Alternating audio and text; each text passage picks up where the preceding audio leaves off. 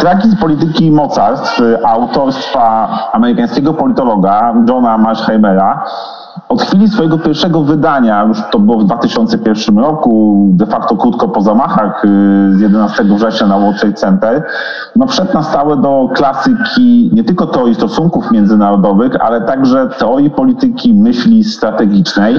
Można odnieść wrażenie, że tytuł ten nabrał długiego życia w polskim dyskursie naukowym, publicystycznym, no po tym jak w roku 2020 ukazało się jego polskie wydanie. I tutaj, panie profesorze, no myślę, że nasuwa się pierwsze pytanie. W ogóle kim jest John Marsheimer? Dalej, do jakiej szkoły stosunków międzynarodowych można zaliczyć e, tego autora? A wreszcie, jakiego rodzaju książką jest właśnie tragizm polityki mocarstw i kto powinien ją przede wszystkim przeczytać? Oczywiście tutaj wydaje się, że chyba ta pierwsza część, to pierwsze zdanie jest bardzo istotne. Y, książka została napisana w roku 2001, a ukazała się u nas kilkanaście lat, prawie 19 y, lat później i bardzo dobrze, że się ukazała. Nie jest to zresztą pierwsza i jedyna pozycja y, Johna Mersheimera. Tutaj w tym wypadku ja też pozwolę sobie pokazać w ramach wizualizacji książkę, która była pierwszą z lektur, które przeczytałem, czyli Dlaczego politycy kłamią. Ona oczywiście, można powiedzieć, zachęca nas do takiej lektury, która pozwala nam pokazać takie meandry polityki i meandry decydowania w polityce, bo to jest też bardzo istotna oczywiście kwestia. No i chyba możemy też wspomnieć o ostatniej książce, która ukazała się yy, pod koniec zeszłego roku, yy, czyli w tym wypadku yy, książka, która nosi tytuł Wielkie Złudzenie, a dotyczy właściwie tego, można powiedzieć, podejścia do liberalizmu, do stosunków międzynarodowych właśnie także i z tej y, perspektywy. Mm, ja pozwolę sobie powiedzieć, że swego czasu była taka słynna, wydana w 1909 roku książka y, mm, w tym wypadku y, oczywiście autorstwa niejakiego Angela, który zresztą, którego który to autor otrzymał pokojową Nagrodę Nobla i ona miała dosyć podobny tytuł, Wielkie Złudzenie. Ona mówiła o tym, że wojny właśnie nie będą wybuchać, bo nikomu na nich w perspektywie nie będzie zależało. Przechodząc do drugiego pytania, to jest oczywiste, że mamy tutaj do czynienia z politologiem, mamy tutaj do czynienia z y, trochę historykiem, powiedziałbym, bo patrząc na tą narrację prowadzoną w książce, mamy tam bardzo duże analogii o charakterze y, historycznym.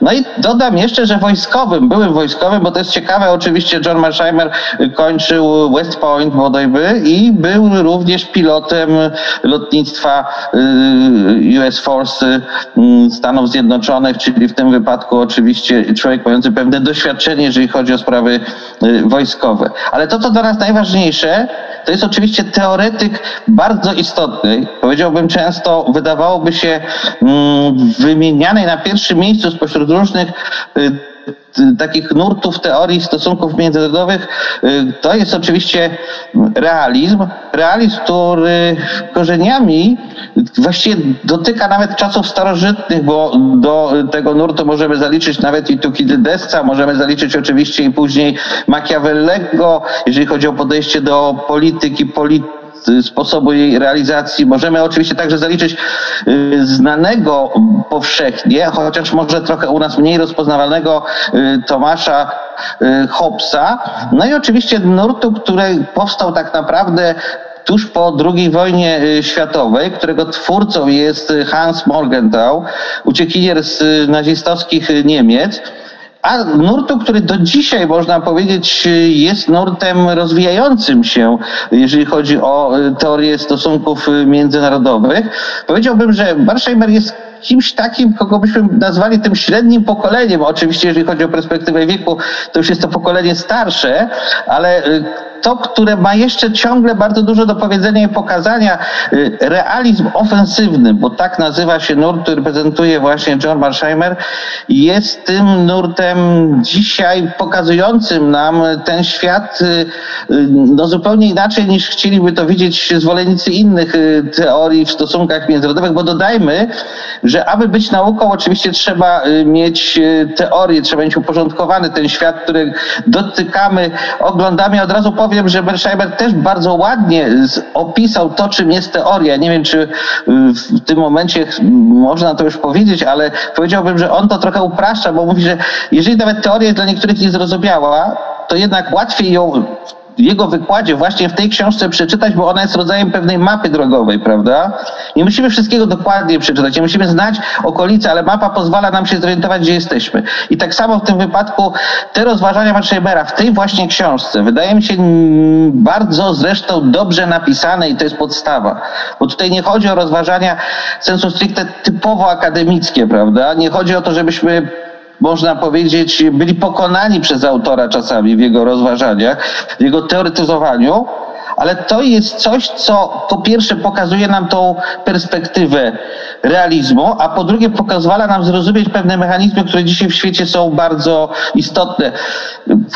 Naprawdę bardzo istotne. Marszałek, powiem, ten realizm oczywiście jest nurtem, który nie zawsze y, jest przyjmowany, bo przecież ma on swoją y, opozycję w innych kierunkach y, teorii stosunków międzynarodowych. Te teorie ulegają falsyfikacji w tym wypadku, czyli takiego spraw, takiemu sprawdzeniu w rzeczywistości. I tutaj można powiedzieć, że niektóre tezy Mersheimer'a niestety dosyć boleśnie nam się w tym panie, świecie... Panie profesorze, jeśli mogę tutaj zrobić małą, małą pauzę, bo chciałbym zatrzymać się na pewnej kwestii, o której pan powiedział wcześniej, kilka, kilka zdań temu, odnośnie o tym, że Mearsheimer, Marsheimer postrzegany jest przede wszystkim jako twórca tego realizmu ofensywnego, czyli no, y, sub, subnurtu w ramach wielkiego nurtu teorii stosunków międzynarodowych, jakim jest, jakim jest y, realizm, no, twórcą tego nurtu jest Kenneth Waltz. Czy mógłby pan tak porządkująco przypomnieć dla naszych słuchaczy, czym, jak Marsheimer definiuje realizm ofensywny, jakie według niego są tutaj zasadnicze założenia? I jak można ocenić, no i tutaj jak właśnie odnośnie tej krytyki, którą pan tutaj y, zaczął, zaczął y, porządkować, no, y, jak można poznawczo oceniać wartość tej teorii? Y, to jest nurt, który jest o tyle ciekawy, że on, ja postaram się powiedzieć tutaj to może trochę swoimi słowami, co będzie wydaje mi się prostszym rozwiązaniem, bo nie chcę samej głównej teorii y, czy definicji w wypadku realizmu ofensywnego wskazać. A realizm ofensywny mówi w ten sposób. W świecie dzisiejszym, współczesnym nie ma szeryfa, który porządkowałby sprawy międzynarodowe. Upraszczając, świat ten międzynarodowy tak naprawdę opiera się na państwach i one tworzą tą siatkę, pomiędzy którą rozgrywają, czy w której w obrębie rozgrywają się relacje międzynarodowe. To państwa są największymi, najbardziej znaczącymi wyróżnikami tej właśnie polityki międzynarodowej. Tak twierdzi Mersheimer. Czyli od polityki państw, od ich siły pozycji zależy to, co dzieje się w stosunkach międzynarodowych. Mersheimer zajmuje się oczywiście potęgą, analizuje to, dlaczego państwa dążą do tego, żeby być jak najsilniejsze, jak najbardziej można powiedzieć, jest istotne także dla niego rozważania, po co to czynią. I tutaj mamy bardzo ciekawe kwestie. Właśnie kwestie, które pozwalają nam zrozumieć, czym jest realizm y, ofensywny. Realizm strukturalny, bo oczywiście mamy tutaj do czynienia ze strukturą międzynarodową, ale powtórzę, składającą się z państw. Dla niego instytucje międzynarodowe, nawet te najbardziej nam znane, takie jak Organizacja Narodów Zjednoczonych, sojusze militarne, jednak są i tworzone są za każdym razem przez państwa jako takie. To państwa je, można powiedzieć, konstru, konstruują. I w tym wypadku oczywiście Mersheimer zakłada jedną podstawową, bardzo istotną y, rzecz, która warta jest jeszcze raz przypomnienia. Anarchia systemu międzynarodowego, z tym mamy do czynienia na y, co dzień, tak mówi Mersheimer. Świat państw jest światem anarchii. Drugi element, który jest istotny, to jest oczywiście to, że każde państwo dysponuje pewną potęgą i tą potęgę jest w stanie wykorzystać dla realizacji swoich celów. Trzecim elementem jest to, że celem każdego państwa jest przetrwanie i, i realizacja swoich interesów, ale przetrwanie jest bardzo istotnym elementem. Czwarty e, punkt to jest to, co powinniśmy nazwać oczywiście e, brakiem możliwości rozpoznania intencji innych państw oraz rozpoznania tego, w którym momencie pojawi się państwo, które zacznie nam zagrażać. Będzie państwem swoiście wobec nas rewizjonistycznym, będzie podważało naszą pozycję, będzie podważało nasze granice, etc. I piątym bardzo istotnym elementem to jednak e, coś, co wydaje się najbardziej kontrowersyjne właśnie w tezie Mersheimera, czy w tezach Mersheimera, to jest kwestia oczywiście to, że państwa są czy ich przywódcy też, dodajmy, racjonalnymi aktorami na scenie międzynarodowej. To jest ten ostatni element, powiedziałbym, dosyć kontrowersyjny, biorąc pod uwagę to, co często dzieje się y, po prostu y, w otoczeniu międzynarodowym. I to są te podstawy, te pięć, można powiedzieć, kanonów y, realizmu ofensywnego Mersheimera i także tych, którzy oczywiście uznają jego tezy za właściwe. Dodajmy, że został tu wymieniony Kenneth Waltz, czyli także realizm defensywny, czy realizm strukturalny jako taki, ale trochę inaczej podchodzący do tego zagadnienia, ponieważ on jest nazywany często y, twórcą czy współtwórcą tego realizmu defensywnego, zakładającego oczywiście, że konflikt wcale nie musi być i mieć miejsce, zaś w wypadku realizmu ofensywnego powiedzmy oczywiście, że wojna, konflikt Y, jest zjawiskiem, które realiści ofensywni traktują jako rzecz, która po prostu ze stosunków międzynarodowych nie jest y, możliwa do wyrugowania. Niestety będzie to się działo. Oczywiście kwestia tak zwanego równoważenia.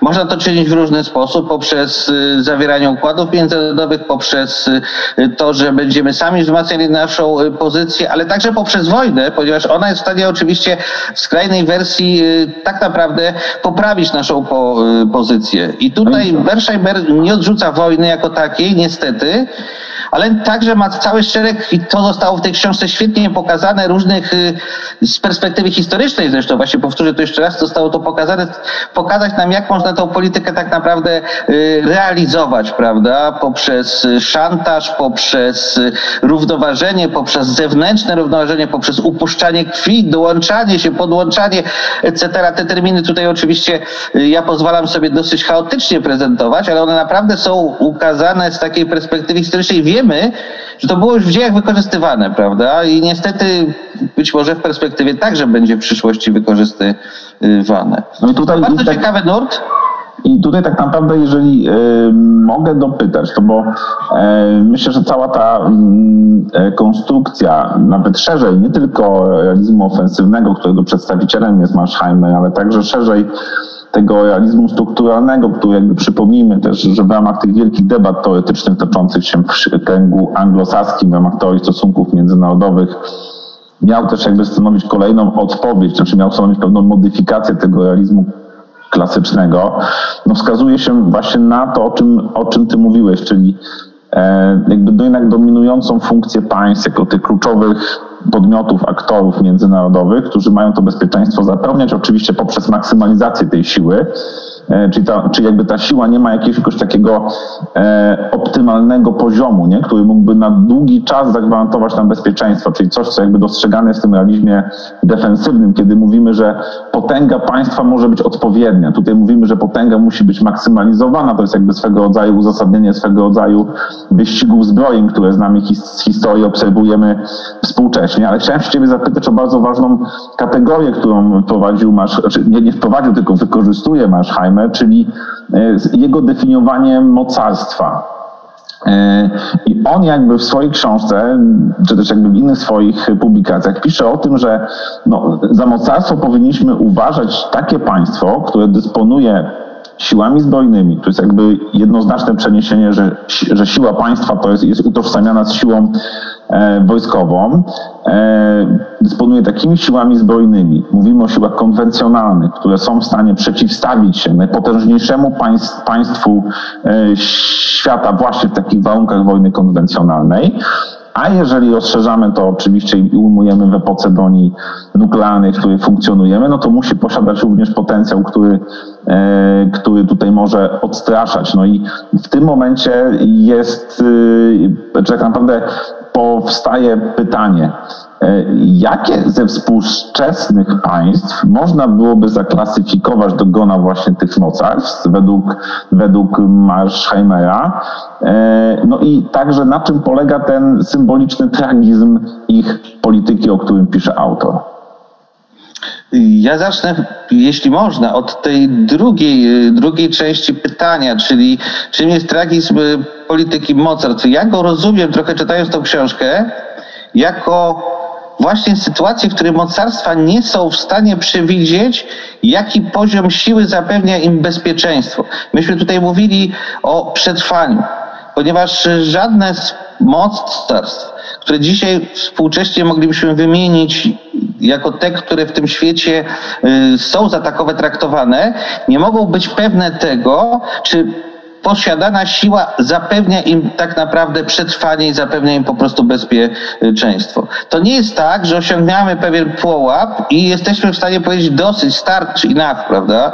Nie musimy dalej już nic y, robić. Niestety w tym wypadku analizując pojęcie mocarstwa i mówiąc, że to mocarstwo oczywiście, y, ta mocarstwowość opiera się głównie na jednym czynniku i to jest też ciekawe, bo Mersheimer mówi o czynniku bardzo istotnym, czyli czynniku związanym z, z można powiedzieć, możliwościami y, tak naprawdę oczywiście działań w sferze wojennej, w sferze militarnej, prawda? Dla niego najbardziej istotnym elementem, co będzie też zarzutem wobec tego właśnie realizmu ofensywnego, jest y, kwestia nie tyle ideologii, nie tyle nawet y, powiedziałbym kwestii ekonomii, bo ona też tu jest i ma bardzo istotne znaczenie, ale kwestia potencjału, który pozwala wystawić sprawniejszą, lepszą i można powiedzieć y, dającą w perspektywie y, przetrwanie albo zwycięstwo y, armii. I to jest właśnie ten tragizm polityki mocarstw, że mocarstwa bojąc się zwiększają swoją siłę i pozycję, wciągając pozostałe mocarstwa, coś w rodzaju takiego wyścigu zbrojeń.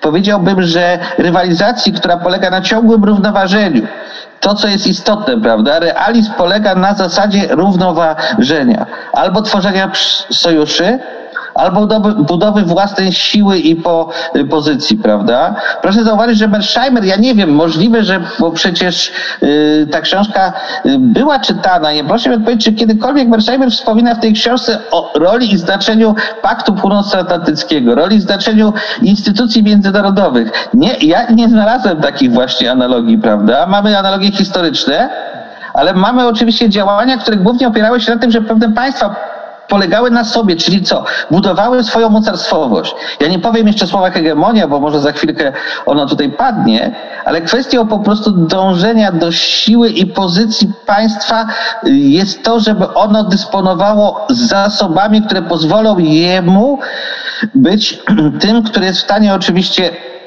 wygrać konflikt y, zbrojny. Jak tak czytam właściwie, można powiedzieć, te tezy trochę Merscheimera, i co ciekawe, dzisiaj padło to pytanie znowu o mocarstwa. I znowu też ciekawa rzecz jest. Y, czy w tej książce on wymienia te mocarstwa jedno po drugim. Właściwie tak naprawdę to możemy czytać o tych byłych, przeszłych mocarstwach i możemy z tego wywnioskować jedną rzecz. Mocarstwa prosty, który jest w stanie nie tyle wygrać konflikt z innym mocarstwem, znaczy stanąć w, szranki, rywalizować z innym mocarstwem militarnie, trochę tutaj to upraszczam, to co zostało powiedziane, ale powiem takie mocarstwo, które oczywiście jest w stanie y, tak naprawdę dysponować potęgą militarną, zasobami, które pozwolą mu skutecznie prowadzić y, wojnę, skutecznie tak naprawdę odstraszać, bo y, tutaj padło powiedzenie, powiedzenie oczywiście o y, kwestii związanej z bronią masowego rażenia, prawda? I tutaj oczywistym jest, że nie wiem, czy wszystkie państwa dysponujące bronią masowego rażenia dzisiaj możemy uznać za y, mocarstwo, bo za takowe byśmy musieli uznać na przykład Koreę Północną, prawda? Y, tego się nie da zrobić. Ale proszę też pamiętać, że nie każde państwo mające broń atomową, czy broń masowego rażenia na szczęście może, użyje jej w konflikcie zbrojnym. Będzie starało się wygrać z innym w wojnie konwencjonalnej. Broń masowego rażenia stała się, powiedziałbym, taką ostatnią yy, kartą, którą można rzucić na stół. Zresztą te terminy trochę y, z mm, pokera się w wypadku tej książki Mersheimera yy, pojawiają. Ostatnią kartą, którą można rzucić na stół, ale nikt, kto użyje tej broni, nie jest pewny tego, że ta broń zostanie zastosowana wobec niego w, w formule odwetu, prawda? I to, co też w tej książce jest wyraźnie napisane, żadnemu państwu nigdy nie udało się stworzyć takiego arsenału nuklearnego, żeby zapewnić sobie brak możliwości odwetu z drugiej y, strony. Tego na szczęście, powiedziałbym, na szczęście nie ma, bo gdyby ktoś poczuł się tak pewnie, to, to, to już nie chciałbym tego wątku tutaj w tym momencie. Tak, mogę tylko w tym momencie dopowiedzieć, bo jakby to myślę, że jest bardzo, bardzo ciekawe, że tutaj skupić się trochę uwagę na tej na broni nuklearnej, nie? Czyli jakby z jednej strony mamy sytuację, że e, kiedy Marsheimer pisał, pisał swoją książkę i rzeczywiście było tak, że to był jeszcze okres no de facto 10, 11, 12 lat po rozpadzie, znaczy po, po tej dekompozycji systemu dwubiegunowego i rzeczywiście te arsenały nuklearne po dwóch stronach były równoważące się i tutaj w pełni się zgadzam, że nie było opcji tak naprawdę wykonania ataku na taką skalę, który uniemożliwiłby kontrofensywę, no tutaj jakby przeważającą rolą odgrywały siły morskie strategiczne, te, które pozwalały na uderzenie, ale jakby widzimy, że współcześnie jakby no, strony dążą do zaburzenia tej równowagi, nie tyle budując skuteczniejsze środki przenoszenia, co środki właśnie antydostępowe, które mają potencjalnie wyeliminować możliwość skutecznego napadu, ale to jakby tylko tak tytułem nazwijmy to mojego komentarza, bo no, rzeczy, nasza rozmowa chyba nie za bardzo powinna iść w kierunku właśnie tych technicznych niuansów, ale wydaje mi się, że to jest jakby bardzo, bardzo istotny element, który tutaj też podniosłeś w swojej wypowiedzi. Ale powiedziałbym, że jeśli na przykład dzisiaj spojrzymy na perspektywę Ukrainy, bo akurat Persheimer o tym wątku pisał, on uważał, że to jest błąd, że Ukraina nie pozostawiła sobie mm, po prostu tego, czym jest broń nukle, y, nuklearna. To jest oczywiste. No i niestety powiem szczerze, że w wypadku Persheimera on uważa, że państwa wyspiarskie mocarstwa morskie, jakbyśmy to mogli powiedzieć, bo przecież takowymi są na przykład Stany Zjednoczone, jednak muszą mieć silną armię lądową, prawda? Ja sądzę, że te milion trzysta tysięcy żołnierzy amerykańskich, ja nie chcę tutaj, to szacunkuję trochę y, tak na zasadzie pewnych publikacji, do których oczywiście każdy ma tak naprawdę do, y, dostęp, y, to jednak jest w dużej części armia lądowa jako taka i ta pozycja armii lądowej przez niego w tym wypadku świadczy o mocarstwowości. Stąd on za mocarstwo, jeżeli byśmy mogli powiedzieć na pewno uważać będzie Rosję oraz uważa niewątpliwie oczywiście Chiny, ponieważ Chiny, mimo tego, że potencjał, on zresztą pisze dosyć lekceważąco o tym potencjale militarnym y, Chin, jednak uważa, że Chiny są w każdym momencie w stanie ten potencjał po prostu militarny stworzyć bardzo szybko, y, co jest też y, no, w pewnym sensie dosyć taką perspektywą budzącą pewien niepokój. Znowu właśnie tragizm polityki mocarstw polega na tym, że nawet tak zorganizowane, tak morskie mocarstwo i tak mające silną armię mocarstwo, którym jest, są Stany Zjednoczone, nie może być nazwane mocarstwem mającym możliwość kontroli nad wszystkim, prawda? No, broń nuklearna jest, ma duże znaczenie, ale dla Mersheimera istotne jest to, żeby mieć odpowiednią siłę konwencjonalną, a to zapewnia odpowiednia liczba ludności, odpowiedni potencjał y, militarny, odpowiednia możliwość oczywiście posiadania nowoczesnych technologii, którymi jesteśmy w stanie tą armię tak naprawdę oczywiście y, budować. Y, wiadomym, że on tutaj się sam też odnosi wielokrotnie do tych analiz, zastanawia się, jaki, jakie wskaźniki tutaj oczywiście stosować. Ale wydaje mi się, że tytuł chwycił bardzo, bardzo dobrze, prawda? Tragizm polityki mocarstw jest czymś, co po prostu polega na wiecznym niepokoju o swoją pozycję, i o to, czy jesteśmy bezpieczni, czy możemy realizować Dokładnie. nasze interesy. To, Powiem to w tej kolejności. I to, i to, w ogóle, to co teraz Pan profesor powiedział, chyba dobrze koresponduje z tym drugim, kluczowym obok kategorii mocarstwa, pojęciem dla pracy Mirscheimera, czyli kategorii hegemonii. No bo, no bo y, hegemon, y, no zdaniem tutaj omawianego autora, no to jest takie państwo, które posiada dostateczny potencjał, żeby zdominować samodzielnie wszystkie inne państwa w danym systemie, systemie międzynarodowym. No i jak sam marszałek zauważa, de facto y, no, taki, on, on, on dwa typy, y, dwa typy hegemonów wyróżnia, hegemona globalnego i hegemonów lokalnych, no i wskazuje, że w zasadzie lokalnych, no to na, na konkretnych obszarach geograficznych. No i y, hegemonia globalna jego zdaniem jest w zasadzie niemożliwa. To jest ważna obserwacja w kontekście różnych innych teorii czy, czy, czy, czy, czy wizji świata, na przykład jednobiegunowego.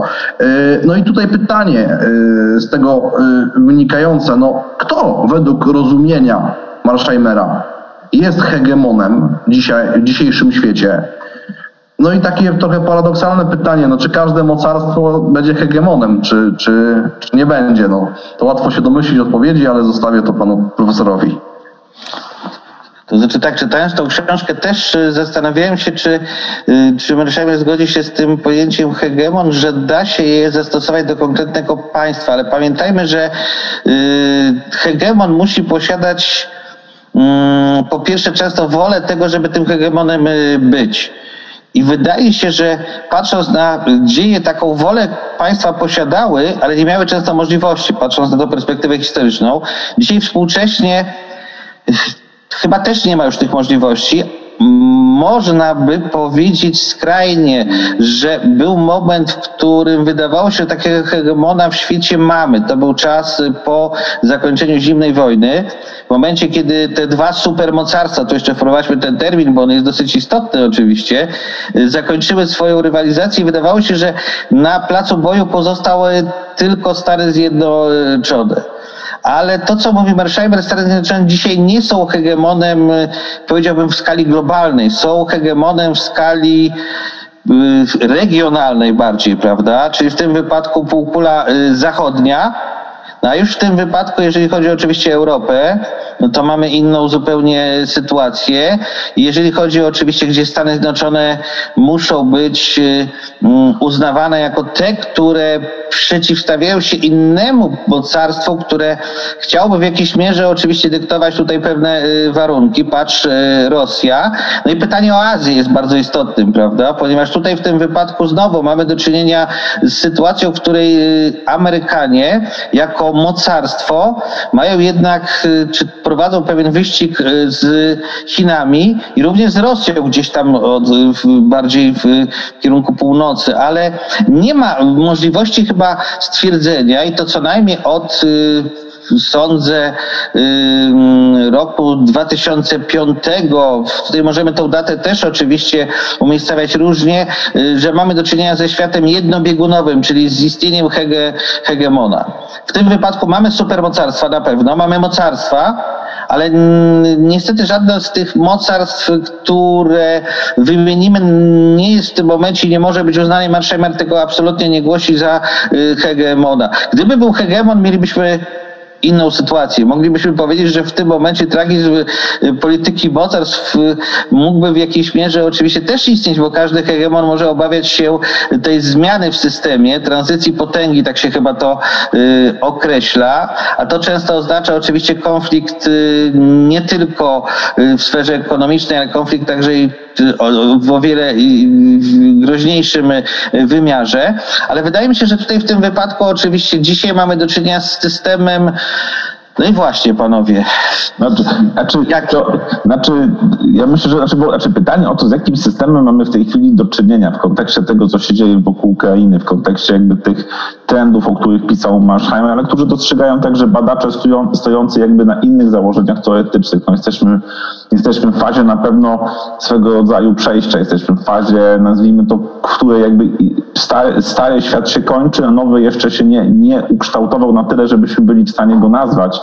Ale jeszcze chciałem nawiązać do, do tego, co profesorze mówiłeś odnośnie tego, czy my czy rzeczywiście dzisiaj może być to państwo, które może spełniać tą funkcję hegemona w tym rozumieniu Marshheimera i on uważa, że nie. I tutaj chciałem jakby wnieść jeszcze to jedno pojęcie, które również e, gdzieś tam funkcjonuje w ramach e, realizmu strukturalnego, czyli powstrzymującej siły wody, tak? Znaczy, jeżeli, jeżeli przeniesiemy to, że jakby taka ta hegemonia z wykorzystaniem sił zbrojnych musi odbywać się przy użyciu jednak wojsk lądowych, czyli okupacji, zajęcia pewnego terenu, kontroli tego terenu, no to oni wskazują, że jeżeli weźmiemy za główne ośrodki siły Stany Zjednoczone, Chiny czy Federację Rosyjską, no to jednak przestrzenie morskie, Ocean Atlantycki czy Pacyfik, no stanowią jednak barierę technologiczną nie do pokonania, tak? Znaczy nie ma najprawdopodobniej żadnych koncepcji, żeby Amerykanie mieli lądowo zaatakować Chiny, albo żeby Chiny mogły lądowo podbić Stany Zjednoczone. To w ogóle fajnie pokazuje strukturę amerykańskiej armii, gdzie nawet to, to, to, to o czym wspominałeś, ten ponad milion żołnierzy,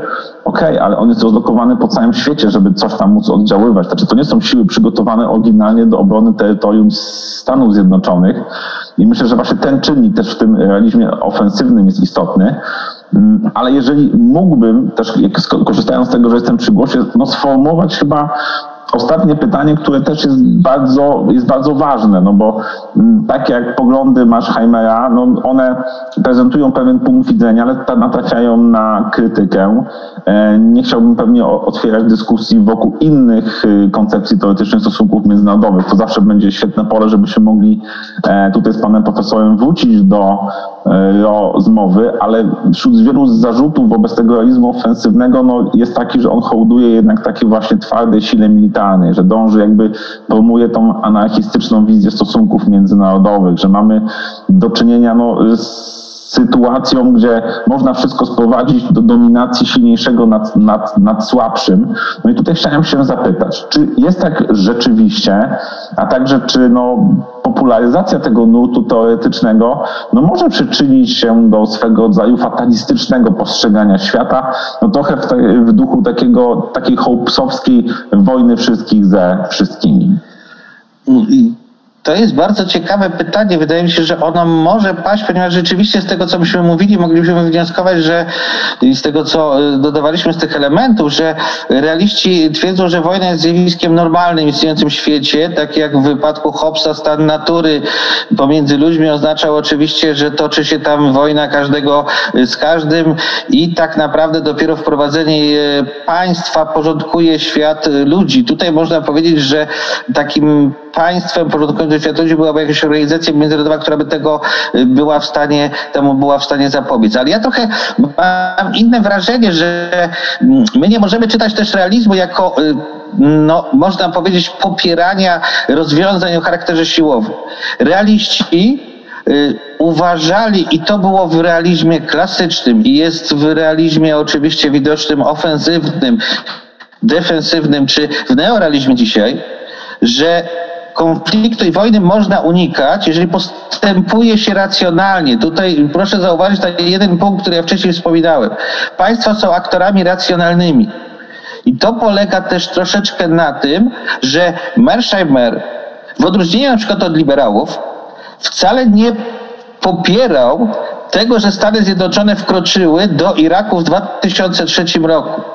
Jeżeli realiści podpisywali się pod rokiem 91, ponieważ doskonale byli w stanie nawet w tych źródłach, które były do, ogólnie dostępne, ocenić armię iracką, to y, gdzie ona się znalazła oraz postawę oczywiście także i y, większości państw y, Bliskiego Wschodu, to ostrzegał przed rokiem 2003 i był przeciwny. Mersheimer, właśnie ten realista ofensywny przeciwko temu był, występował, że Stany Zjednoczone weszły w ten konflikt, że zaatakowały Saddama Husseina.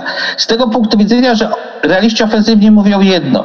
Ideologia może być bardzo niebezpieczna, a w wypadku oczywiście sytuacji na Bliskim Wschodzie ona odgrywa bardzo istotną rolę. Oczywiście dodajmy, że y, tutaj to, co zostało wcześniej, wtedy powiedziane wcześniej, no mamy y, też y, książki, które wyszły w podobnym czasie, takim jak Zderzenie cywilizacji, prawda?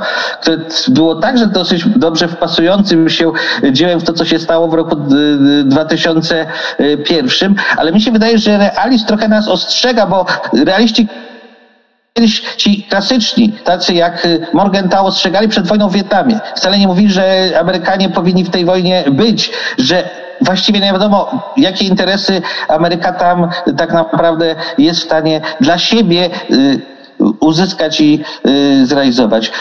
Oni stawiają na przetrwanie, a przetrwanie także możemy rozumieć jako pewną współpracę pomiędzy państwami, jako zasadę równowagi pomiędzy państwami, prawda?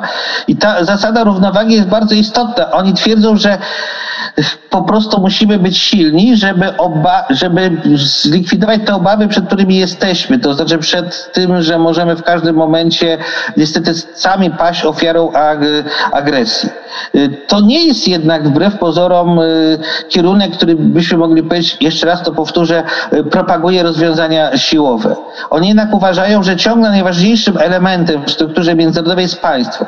I od jego polityki, od racjonalności przywódców też zależy, jak to państwo będzie postępowało. Dodam tylko, że tacy powiedziałbym, uczniowie Mersheimera, czy współcześni realiści, neorealiści, jak Gideon Ross, podkreślają jeszcze jedną rzecz. Zdolność rozumienia polityki to jest zdolność rozumienia mechanizmów, które w tej polityce występują. To jest możliwość odczytania tego, jakie decyzje w tym momencie są najbardziej skuteczne, żeby je podjąć. Inaczej mówiąc, politycy powinni mieć świetne rozeznanie, co należy teraz y, zrobić, aby być skutecznym, aby przetrwać i aby delikatnie mówiąc pozwolić tej strukturze międzynarodowej funkcjo, funkcjonować. Jeszcze raz powtarzam, realizm strukturalny, realizm ofensywny jest y, bardzo istotnym nurtem badawczym dzisiaj w stosunkach międzynarodowych. Jest często jednak źle odczytywany z tego względu, że powtórzmy, oni bardzo dużo piszą o konflikcie, ale broń Boże nie uważają, że to są najlepsze rozwiązania we współczesnym świecie. Pokazują także jednak jedną rzecz, którą w tym wypadku